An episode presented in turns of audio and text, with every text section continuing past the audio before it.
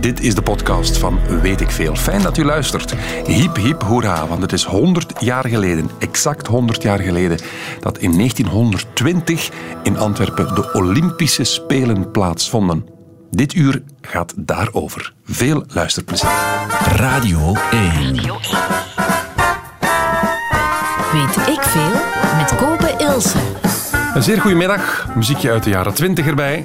Want het gaat vandaag over iets heel bijzonders. En beste studiogast Roland Renson, professor sporthistoriek aan de KU Leuven. We wouden je graag uitnodigen deze zomer, maar het moest op de 14e augustus zijn. Vandaag dus. Waarom precies?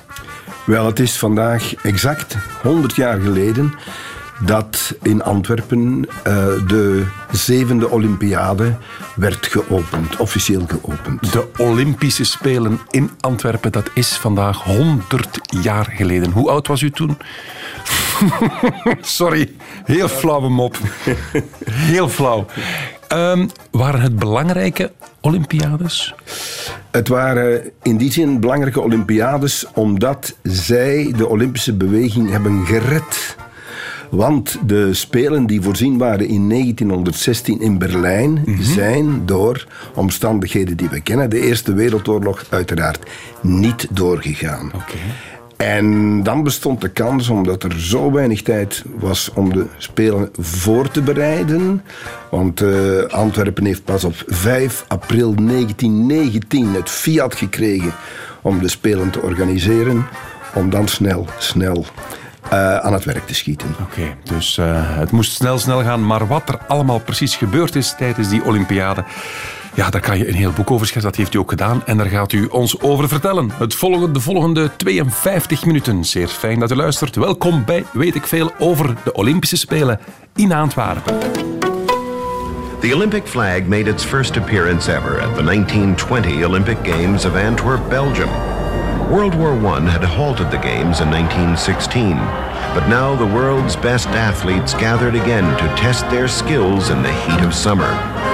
Belgium's King Albert and Queen Elizabeth opened the Games and then looked on as Joseph Guimont edged the flying Finn Pavo Nurmi in one of the closest 5,000 meter finishes in Olympic history. Ja, Het gaat, en weet ik veel, vandaag over de Olympische Spelen van Antwerpen, exact 100 jaar geleden vandaag. Ronald Renson bij mij in de studio, professor sporthistoriek. Tien jaar geleden, zegt u net tijdens de plaat aan de KU Leuven. Ondertussen noemen ze dat emeritus. Voilà, maar, maar dat wil zeggen afgedankt. Mm, professor voor het leven. Kom on. U heeft uh, die Olympische Spelen bestudeerd neem ik aan, of, of, of u daar goed over ingelezen. We hebben al geleerd dat het na de Eerste Wereldoorlog de eerste keer was dat er terug een Olympiade was. Wil dat zeggen dat het tijdens de Eerste Wereldoorlog gewoon stil lag? Absoluut. Uh, en laat me ook nog zeggen, ik heb dat bestudeerd, maar daar zijn zeer veel studenten en studentinnen bij betrokken geweest. Actief, okay. via talrijke verhandelingen, doctoraat en zo verder. Dus dit, dit is geen one-man show. Oké, maar toch, u bent vandaag de, de woordvoerder van al die mensen. Um, terug naar de jaren twintig, de zevende Olympiade anderhalf jaar maar voor de start toegewezen aan Antwerpen, heeft u al verteld. Dat moet dan improviseren geweest zijn? Of waren ze toen nog niet zo groot als vandaag? Was dat qua infrastructuur nog niet zo moeilijk? Toch wel. En uh, Coubertin zelf heeft de Antwerpenaren en het organisatiecomité geprezen uh, met de terminologie een record de débrouillardise. Wat Antwerpen had gerealiseerd was een record van plantrekkerij. Op zo'n korte tijd een stadion helemaal erbouwen infrastructuur zoeken voor zwemmen, voor boksen, voor wielrennen en zo verder. In een crisisperiode, want men kwam uit de oorlog. Er was uh, problemen qua arbeidsmogelijkheden, er was problemen qua logement.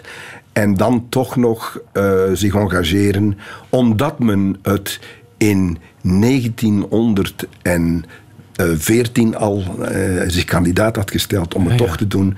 Uh, dat was werkelijk. Wat waren zo nog de steden die kandidaat waren op, op, op dat moment? Wel, gaat nog Amsterdam En eigenlijk Budapest. Maar Budapest was natuurlijk uitgeschakeld omdat Hongarije Ja. meegevochten had aan de verkeerde kant.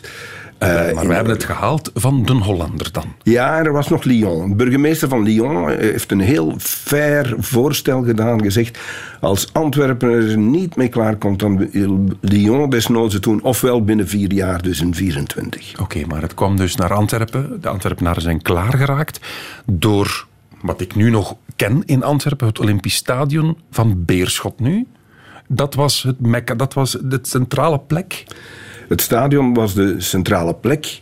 En het zijn ook de, laat me zeggen, de eh, leidinggevende figuren van Beerschot, eh, die eigenlijk aan de basis liggen van de kandidatuur. Ja. Want die gaat terug veel vroeger. In 1912 had eh, men aan eh, het Internationaal Olympisch Comité België als kandidaat voorgesteld, met natuurlijk in het achterhoofd Brussel. Maar een Antwerpenaar, en die uitspraak zegt u misschien, Wik uw woorden. Rapsijn, Rapsijn. Rapsaan. Ja, ja, ja. ja. Eh, daar heeft dan een zekere Charles Knoops, die aanwezig was op de Spelen in Stockholm in 1912, eh, het lumineuze idee gekregen: als die Zweden dat kunnen, dan kunnen wij dat ook in Antwerpen. En daarvoor heeft men eigenlijk Brussel voor een stuk gecoursiquiteerd en de Spelen naar Antwerpen gehaald. Ook met de steun van eh, de Bayeux-Latour, Henri de Bayeux-Latour. Wie was dat? Dat was de zoon van de voormalige provinciegouverneur van Antwerpen. Die was lid van het Internationaal Olympisch Comité en een eh, goede vertrouweling en vriend van de Coubertin. Dat kan natuurlijk. Dus het was toch een beetje zo wat eh, vriendschapspolitiek, of, of mogen we dat niet zo zeggen? Het was eerder erkenning voor eh, de rol die België gespeeld heeft eh, in de Eerste Wereldoorlog. Ah, oké. Ah, ja, ja, Absoluut, Op die manier. absoluut. Ja, ja, zo van, jullie hebben hard gevochten, jullie mogen dat nu, jullie krijgen die eer. Dat was zeker en dat was overal ook aanwezig. Eh, dat begon al eh, vandaag, 100 jaar geleden, om 10 uur in de kathedraal van Antwerpen, onze Lieve Vrouw-kathedraal, waar kardinaal Mercier de atleten ontving. Het was geen In de kathedraal? in de kathedraal. Het was geen mis, maar het was een te deum. En hij sprak daar de atleten van verschillende godsdiensten uiteraard toe. Eh, en in niet mis te verstaande bewoordingen eh, las hij toch de les van de Duitsers. Zei, nous ne sommes pas, Dieu merci, des sauvages. Wij zijn dus geen wilden, maar wij nemen ons voor om diegenen te civiliseren die het nog zijn. Dus dat was nogal sterk uitgedrukt, maar dat was ja oorlogstaal. Dus er was toen nog wel een, een soort religieuze link en de, met de Olympische Spelen? Of was dat puur omdat ze geen grotere zaal hadden om al die atleten in onder te brengen? Nee, nee, die link was er. En Coubertin die zag zelf eigenlijk de Olympische beweging als een soort religie. Hij heeft ook gesproken van de religio atletae. Eh, dus dat was een levensstijl, een levenswandel en eh, waar men zoveel mogelijk mensen moest voor winnen. Oké. Klopt het dat toen de Olympische Spelen enkel met amateursporters werd ehm, gedaan? Absoluut. Tenminste, dat was de strikte regel. Ja. Dat die helemaal strikt gevolgd is, dat is iets anders. En daar zijn toch wel voorbeelden van waar we daar sterk, mee kun- sterk aan kunnen twijfelen. Ik denk bijvoorbeeld aan de fameuze uh, kolenmijnen die de marathon gewonnen heeft. Eh, Normie was een twijfelgeval. Waarom? Eh, omdat bijvoorbeeld Kolemijnen, die woon, dat was een Fin, maar die woonde al in de Verenigde Staten. En die kwam daar aan de kost door. Hij had vier Ol- Olympische medailles gehaald in 1912. En die kon daar overal eh show geven, de beste geven tijdens. eh, Wa- Waarom, wa- wat was het idee achter het feit van we gaan enkel met amateursporters werken? Waarom, waarom zou je dat doen? Dat is de amateur ethic van de Britse public schools. Eh, de Britse public schools, public betekent een, helemaal niet publiek. Integendeel, dat bete- waren zeer elitaire kostscholen. Ja. Waar de leraren zelfs als dienaars werden beschouwd. De leerlingen, de oudere, de older boys, waren daar de baas. En die eh, filosofie was eigenlijk survival of the fittest and to be a good animal. En vandaar ook dat er zeer krasse gewelddadige sporten zoals eh, rugby, dat ontstaan is in Rugby College, of voetbal, waar Eton een, een grote rol in gespeeld heeft, eigenlijk belangrijker waren dan de studies. En eh, die ethiek is dan door de old boys, de afgestudeerden, verder gezet in, in lokale clubs. En men wilde niet zich gaan meten met het gewone volk of zeker niet met arbeiders. En vandaar de amateurregels. Men mocht met sport geen geld verdienen. Oké. We gaan luisteren naar de Olympische hymne zoals die in der tijd dan in het stadion moet geklonken hebben. Klopt dat? Ehm, composer, dus componist Spiridon Samaras. Maar die heeft geklonken in Athene in 1896, maar niet in 1920 in Antwerpen. Is het waar? Dan heb ik een grote fout gemaakt. Nee, nee, Waarom? dat is- wa- waarom? te vergeven. Wel, die hymne is eigenlijk te- de- verloren gegaan. En die heeft men pas Ah. later terug ontdekt en terug in ere hersteld. Bons, wat, dan is het gewoon de Olympische hymne. Absoluut. Niet in Antwerpen, maar wel in Athene. Dit is hem.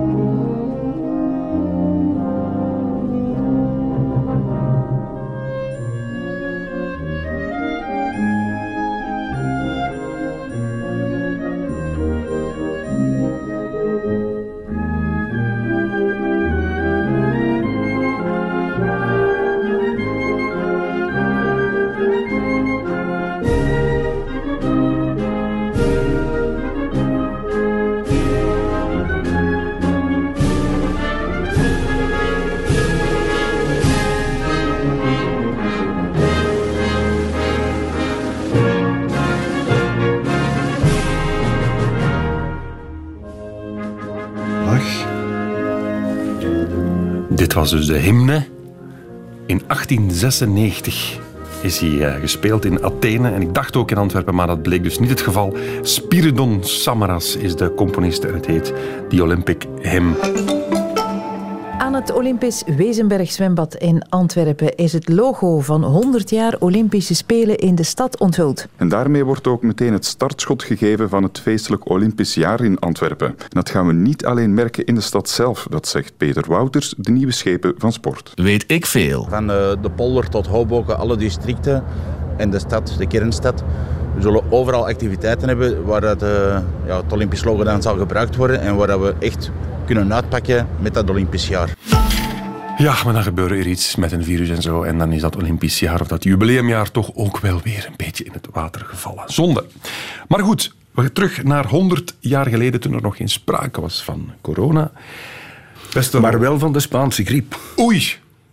En de Spaanse griep heeft heel wat ehm, doden teweeggebracht. Meer mensen zijn gestorven door de Spaanse griep en soldaten dan gesneuveld in de oorlog. En die is pas in 1918 eigenlijk tot zijn eind gekomen. Dus, eh, en dikwijls wordt de link daar eh, naar gelegd. Maar ik heb nergens in de kandidaturen en zover de enige vermelding van die Spaanse griep nog gehoord. Tijdens de Olympische Spelen. Omdat die zo laat gebeurd zijn natuurlijk. Hè, die, Ja, ja, ja. Die Maar toewijzing. er zullen misschien ook wel voorzorgsmaatregelen in die tijd al genomen zijn. Weten we niet. Wat is er wel spectaculair? Die Olympiade in Antwerpen, er waren wel wat primeurs die toen gebeurd zijn. Roland, vertel. Wel, ehm, één primeur is zeker de Olympische vlag.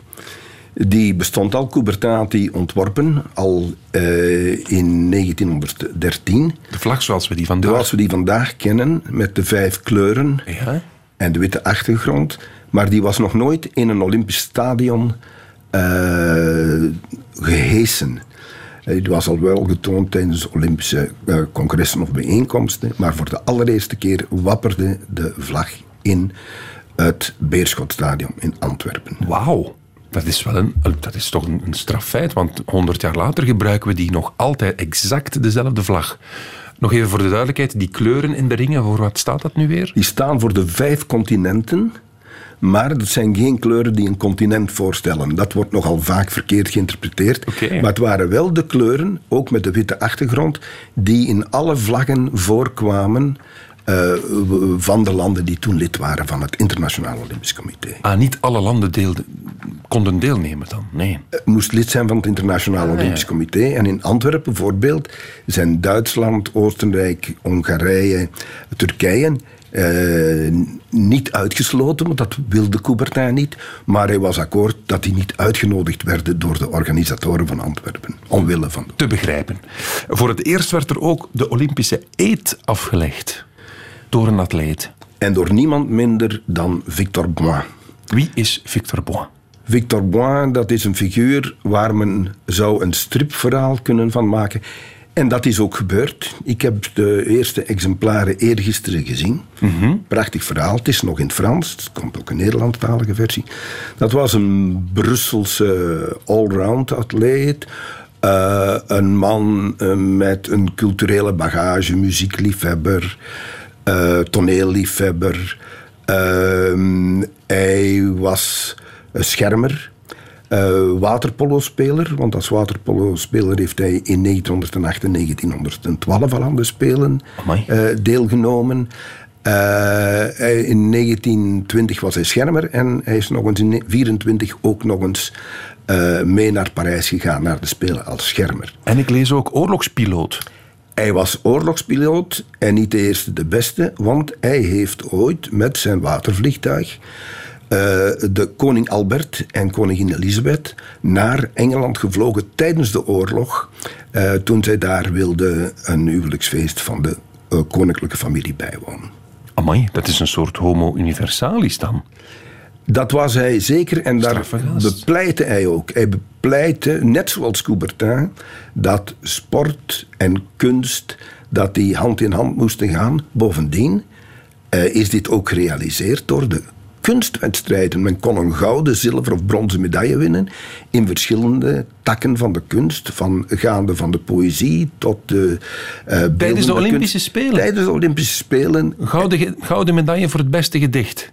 Uh, en Coubertin heeft zelf een medaille in 1912, toen de eerste keer werd ingericht, gewonnen onder een dubbele schuilnaam, omdat ze hem zeker niet zouden erkennen. Au sport, tu es la gloire, au sport, tu es la paix, en zo verder. En in ons land heeft bijvoorbeeld Alfred Ost, niet onbekend als schilder, die heeft toen de bronzen medaille gewonnen met zijn uh, eigenlijk affiche, uh, prachtige kleuraffiche, de voetballer. Amai. Nog een primeur. Er werden voor het eerst duiven gelost. Dat ga ik tegenspreken. Oei. En ik ben blij dat ik het hier kan doen, want ik heb dit pas vorige week ontdekt in een document van Coubertin in 1910 gepubliceerd. Ja. Dus voor datum dat al in Athene 1896 bij de opening duiven werden gelost. Maar er bestaat geen enkel beeldmateriaal van. Ik heb mijn collega's in het buitenland daar ook over geraadpleegd. Uh, dus dat was niet juist. En bovendien waren die duiven, 27 duiven werden gelost voor elk land dat aanwezig was bij de opening. Twee landen die hadden een absentie. Uh, Argentinië met één atleet die niet was opgedaagd. Ja. En uh, Joegoslavië, die ook nog niet klaar waren. Maar dus die 27 landen, uh, daarvoor werd door een Belgisch soldaat in uniform een oorlogsduif. Want dat waren geen vredesduiven, dat waren boodschappers onder de oorlog. Ja. En de Duitsers waren daar zeer bevreesd voor, want wie duiven hield, dat was verboden, die kon twee tot drie jaar gevangenis krijgen. Omdat dat hè, dus de geheime bericht, eh, s- eh, berichtgeving was. En zo konden boodschappen doorzijn. Zijn ze daarmee gestopt na Tokio omdat die geroosterd werden door de Olympische vlam? Dat is, klopt dat echt? Dat klopt echt, maar die zijn, eh, dat waren, men had de duiven eerst gelost, Ja. voor men de vlam had aangestoken. En die duiven die waren gaan rusten in die grote schotel. En dan heeft men met drie fakkels daar een barbecue van gemaakt, inderdaad. We mogen er niet meer- daar mogen we nu niet meer lachen, Roland. Nee, dat mag niet. Eh Venman Trotsdeem lacht. Oké, dat is waar. Nog een primeur. De oudste medaillewinnaar ooit in Antwerpen in 1920. Oscar Svaan Ja? was dus een Zweedse schutter, ook zijn zoon trouwens ook. En die had al ook aan twee Olympische Spelen deelgenomen. Die was 72 toen hij in Beverlo, in het kamp van Beverlo, wij zeggen nu Leopoldsburg, eh, de zilveren medaille haalde bij het schieten op de lopende hert. Het schieten op de lopende hert. Maar dat was een hert die afgebeeld was op een bord en die over een rail werd getrokken op 100 meter afstand. En hij mocht dan twee schoten lossen en hij heeft daarmee de zilveren medaille gehaald. Oké, 72 jaar. Dat dit ja toch een vaste hand dan, want dat is toch niet zo eenvoudig. Eh, helaas bestaan er geen goede foto's van. De foto's die men meestal toont was toen hij nog vier jaar jonger was. Toen hij ook al, of sorry, toen hij acht jaar jonger was. Toen hij in eh, Stockholm ook al gewonnen had. Nog een primeur. Het waren fantastische spelen, want ook de jongste atlete is daar in de medailles geëindigd. Ooit, de jongste ooit. Vertel. Eileen Riggin, een Amerikaanse zwemster, die deelnam aan het schoonspringen van de 1 en van de 3 meter toren. Die dus eh, in eh, het Nautisch Stadion, zoals men het noemde, was opgesteld. Waar, waar was dat ergens? Dat is waar nu de Wezenberg, het, eh, praktisch op dezelfde locatie. Ma. Maar dat was een oude verdedigingsgracht van de stad Antwerpen, die men omgebouwd had eh, tot een ehm, zwembad, eh 100 meter lang. 100. 100 meter lang. Eh, en dat water was gewoon water dus. eh, Uit de van- Schelden of zo? Uit- oh nee, de Schelde ligt een beetje een verder. beetje Ja. verder, eh, dat van Beken kwam. En dat was eh, donker, dat was koud, 16 graden zegt men. En de gebroeders Blitz, die waterpolo speelden, zegden zelf dat de ratten met hen Ugh. zwommen. De jongste atlete was 14 jaar oud. Die was 14, Elaine Riggin. Maar zij is wel zeer oud geworden. Eh, diep in de 90 en zij heeft tot 90 jaar heeft zij nog gezwommen. En in Hawaii, waar ze dan eh, getrouwd was. En, en ik heb haar ooit kunnen telefoneren. 25 jaar geleden spreek ik nu. En eh, die dame ja, die was eh, zeer, zeer verheugd van nog eens over Ant- aan Antwerpen herinnerd te worden. Want ze had daar ook wel een kwalijke herinnering aan, want zij is ooit met haar eh collega-zwemsters op toeristische uitstap gegaan naar Flanders Fields. Je weet wel, Ja, where the pop is blow. En zij raapten daar souvenirs op. Dat was nog een slagveld dat niet ontruimd was. Lege op bussen, kogelhulzen. En ze had ook een schoen gevonden, maar toen ze die opnam... toen heeft ze die snel weggegooid. Want daar zat nog een menselijke voet in. Jezus. Eh, zullen we dan rustig afronden met nog een laatste primeur? Want voor het eerst, en dat vond ik heel bizar, tijdens de zomerspelen werd er ijshockey gespeeld. Ja, maar dan niet op de dag van vandaag, 14 augustus, maar op 23 april. Oei. Want dat was in het Palais de Glas, in de huidige Henri van Hurkstraat. Ja. Dat komt uit om, het, om de Antwerpenaren gemakkelijker te maken in de buurt van de Vogelenmarkt. En eh, daar was dus een eh, ijsbaan. Dat was een vroeger rolschaatspiste die men dan had omgevormd tot een ijspiste. En dat ijs kon men helaas in de zomer niet. Ah, Eh, werd dan later of vroeger? Nee, later. vandaar vroeger, Ah, vroeger. 23 april, 2020. zijn eigenlijk de Olympische Spelen in Antwerpen zijn eigenlijk begonnen met de allereerste Olympische ijshockeywedstrijd. Ja, maar Roland, je wou per se op 14 augustus komen en nu kom je vertellen dat die Olympische Spelen in april al bezig waren. Maar dat was een prelude. Dat was een prelude, een voorspel. Zwat. Zullen we nog heel even lezen uit dat, uit dat gedicht van de Coubertin dat hij geschreven had en daarmee een, medaille, een Olympische medaille voor poëzie had gewonnen? Blijkbaar ooit bestaan. Au sport, plaisir des dieux, essence de vie, tu es apparu soudain au milieu de la clairière grise où s'agite le labeur ingrat de l'existence moderne, comme le messager radieux des âges évanouis. En zo verder, en zo verder. Proficiat, ik ken het niet van buiten. Ik lees het maar af, ik heb het op- opgezocht op Google. De Olympische vlag was voor het eerst te zien tijdens de Olympische Spelen in Antwerpen in 1920 en het was een echt hebbeding. Weet ik De veel. Amerikaanse schoonspringer Hal Hake Priest, Harry voor de vrienden, nam de vlag mee naar huis. De Amerikaanse zwemmer Duke Kahanamoku had hem uitgedaagd voor een weddenschap. Harry was in de vlaggenmast gekropen en liep snel weg met zijn trofee. De politie betrapte de Amerikaan, maar hij liep te snel voor de Antwerpse agent. Ja. Roland Renson in de studio, sporthistoricus. De vlag, hebben we al geleerd, het was de allereerste ke- keer dat die Olympische vlag, zoals we die vandaag ook nog kennen, werd getoond in het Olympisch Stadion in Antwerpen. Maar, wat, wat, wat horen we? Gepikt. Ja, maar ik ga het in, in het Italiaans antwoorden. Doen. Se non è vero, è ben trovato. Want het verhaal moet toch bijgesleuteld worden. Ai. Priesty heeft toen één van de vele vlaggen gestolen... die overal in de stad te bezichtigen waren. En soms gingen atleten vooral na overwinning en zo verder... en om de tijd te doden, want die hebben daar wekenlang gezeten in Antwerpen... Dat is geen straf. eh, in die tijd was dit niet altijd zo romantisch. Oei. Ehm, en de atleten hebben zich ook altijd niet zo voorbeeldig gedragen als Coubertin op een bepaald middel uitschijnen. Maar dus Mm, dat vind ik interessant. Wat, wat hebben ze mispeuterd? Ja, vooral de Nederlandse voetballers hebben het nogal bond gemaakt. En daardoor waarschijnlijk een, een wedstrijd tegen Spanje ook verloren en zo verder. Wat Omdat zij de avond ervoor... Zij sliepen op een boot. De officials, eh, de of, die sliepen in een hotel, maar zij sliepen op een boot, Rotterdam, die in de haven lag. En dat was eng, dat was vervelend. Eh, ze hadden dan een pick-up gekregen. Ze hebben dan die platen ingesmeerd met jam. En dan, dat was een echte jam-sessie eh, dus geworden.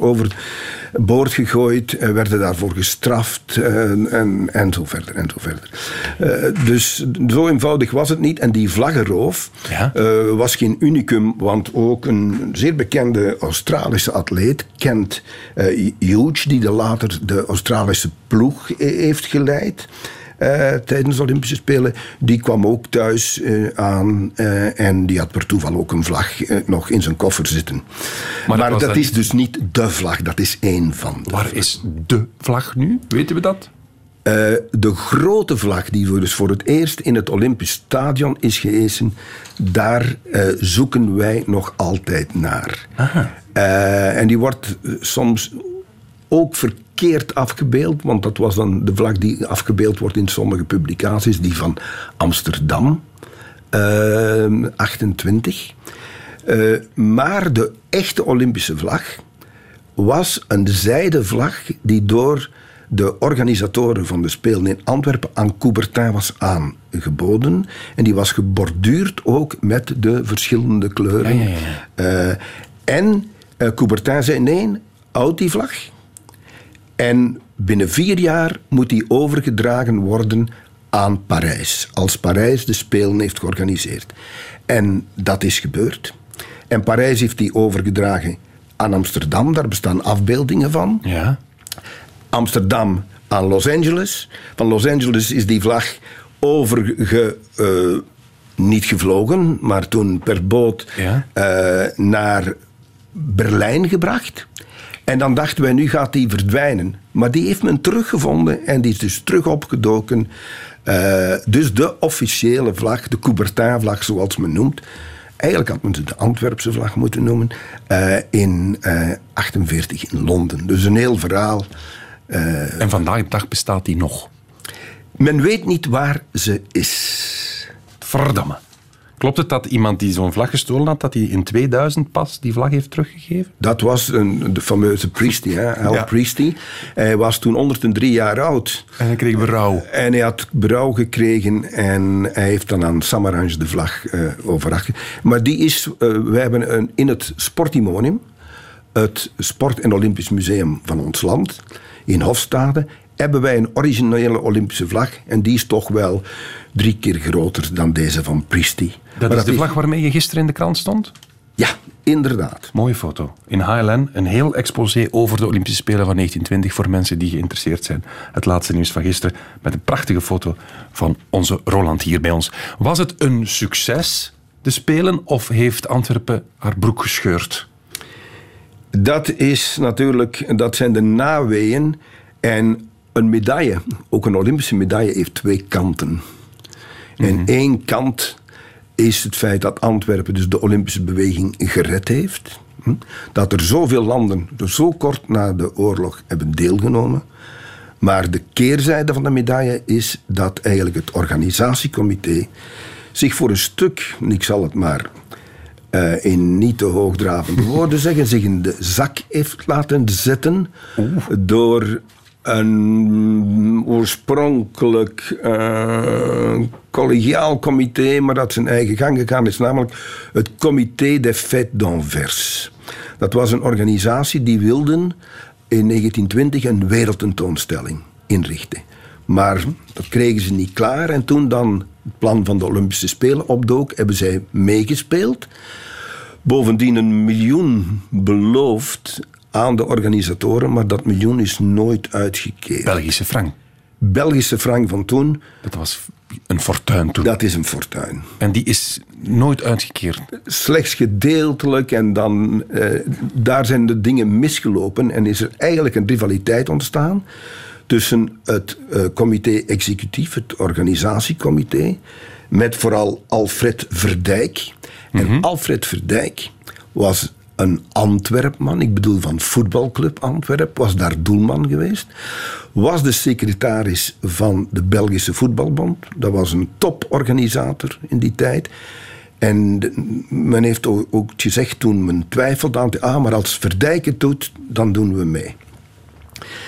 Maar Verdijk heeft daarna in zijn verslag van 1923 eh, een allesbehalve mooi beeld opgehangen van wat door bepaalde Antwerpse haute finance, mensen, reders, diamantairs, bankiers, hoe die de middelen die zij kregen van de stad, van de provincie, van het land, gebruikt hebben om zichzelf voor een stuk te verrijken. Ze hebben wel aan city marketing gedaan, maar ook aan self-marketing. Het is van alle tijden.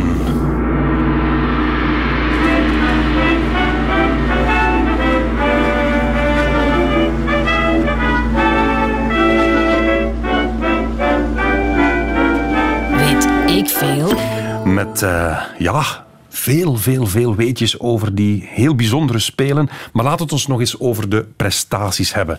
Beste Roland, sporthistoricus en auteur van een boek ook over die Olympische Spelen. Eh, hebben de Belgen het er eigenlijk goed gedaan? De Belgen, als ik me niet vergis, kwamen op de vijfde plaats. Van alle aantal medailles.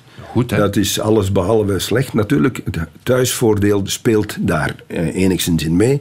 En ook bepaalde sporttakken die eh, vrij folkloristisch on- of onbekend waren voor andere landen. Ah. Zoals bij het boogschieten namen slechts drie landen mee. En da- daar werd zelfs staande wipschieten als Olympische sportboeven. De laatste keer helaas in de geschiedenis. Maar met het schieten hebben wij ons grootste aantal medailles gehaald. Hubert van Innis is recordhouder met acht medailles. Twee van Parijs 1900 en zes in Antwerpen. Maar dan wel op doelschieten, niet op staande Straf. En eh, klopt het dat de Belgische ploeg de finale heeft geschot van, van het voetbaltoernooi? Formidabel. De Belgische voetballers die waren goed voorbereid. Want eh, een aantal onder hen, onder de oorlog, kunnen samen trainen als front wanderers.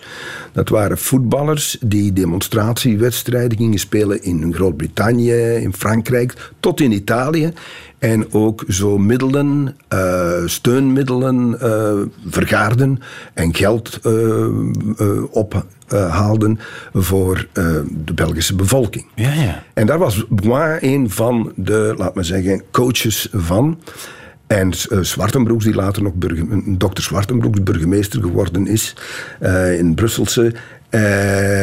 en uh, die werden oorspronkelijk uitgefloten door de, door de Antwerpse voetballiefhebbers, omdat daar maar één Antwerpenaar in stond. Oei. En dan heeft men voor de finale Larnou van Beerschot en Bastin van Antwerpen mee in de ploeg gezet. En die ploeg heeft Tsjechoslowakije uh, geklopt. Ze stonden met 2-0 voor. Maar er is oneenigheid uh, ontstaan toen de Britse scheidsrechter een check van het terrein wilde stu uh, stuurde. En zijn de checken allemaal weggegaan op de 43e minuut. En Antwerpen heeft dus eigenlijk forfaitair. 5-0. 5-0, maar ze hebben daar toch 2-0 van uh, als resultaat gehouden, Olympisch ja, ja, ja, ja. Okay. en iedereen riep: Antwerpen is België is wereldkampioen. Nu doe je het zelf. En er was ook Belgisch brons voor een schilderij. Dat heb je al gezegd, dat kunst ook een discipline was op die Olympische Spelen. En een Belgische schilderij heeft brons gekregen. Het was wel geen schilderij. Het, het was eigenlijk een affiche ja? uh, door Alfred Ost, een kunstenaar. Ja, hier, een gemaakt. tekening van een voetballer. Van een voetballer in de kleuren van Antwerpen, niet ja. van Beerschot.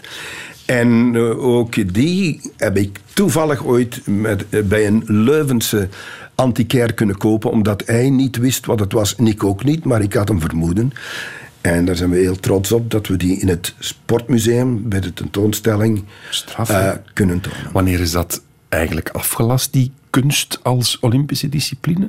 Dat heeft geduurd tot 1948 en dan is daar een einde aangekomen omdat men niet altijd tevreden was over de ingezonde werkenkwaliteit. En uh, men ook niet altijd de grote kunstenaars kon strikken. Uh, strikken Nochtans, in die Griekse traditie is, is kunst wel eigenlijk inderdaad deel van de Olympische gedachten. Hè? Wel, uh, ik vind het mooi. Dat, dat was de idee van Coubertin om daar terug naar te, te, grijpen. Maar dat is toch niet zo goed gelukt. Oké, okay, jammer. Beste Roland, ik veel. dit is de jingle van de quiz. Want heb ik wel goed geluisterd? Dat is nu de vraag. Laat maar komen. Ja. Nu moet ik gaan ondervragen. Ja, maar er is heel veel tijd, dus het mag kort en krachtig zijn. En er is geen tweede zittijd. Hè? Nee. Uh, wel, dan zou ik willen vragen op welke bijzondere plek uh, zijn de atleten 100 jaar geleden, precies dag op dag, uh, ontvangen. In de kathedraal in de kathedraal, de Brouwkathedraal. Vraag 2. Uh, de Olympische vlag werd voor het eerst gehesen uh, in het stadion. Uh, maar de vijf ringen ja? met de verschillende kleuren, waar verwijzen die naar? Naar de vijf continenten. Van de landen Perfect. die meededen. Perfect geantwoord. Nog één korte vraag, heb je die? Een Zweed won zilver bij het schieten. Ja. Hij was de oudste medaillewinnaar ooit. 72. 72 was hij en hij heet de Oscars van. Fantastisch. Roland, dank je wel voor dit uurtje sportgeschiedenis. En wij horen elkaar heel graag terug maandag. Fijn weekend. Weet ik veel?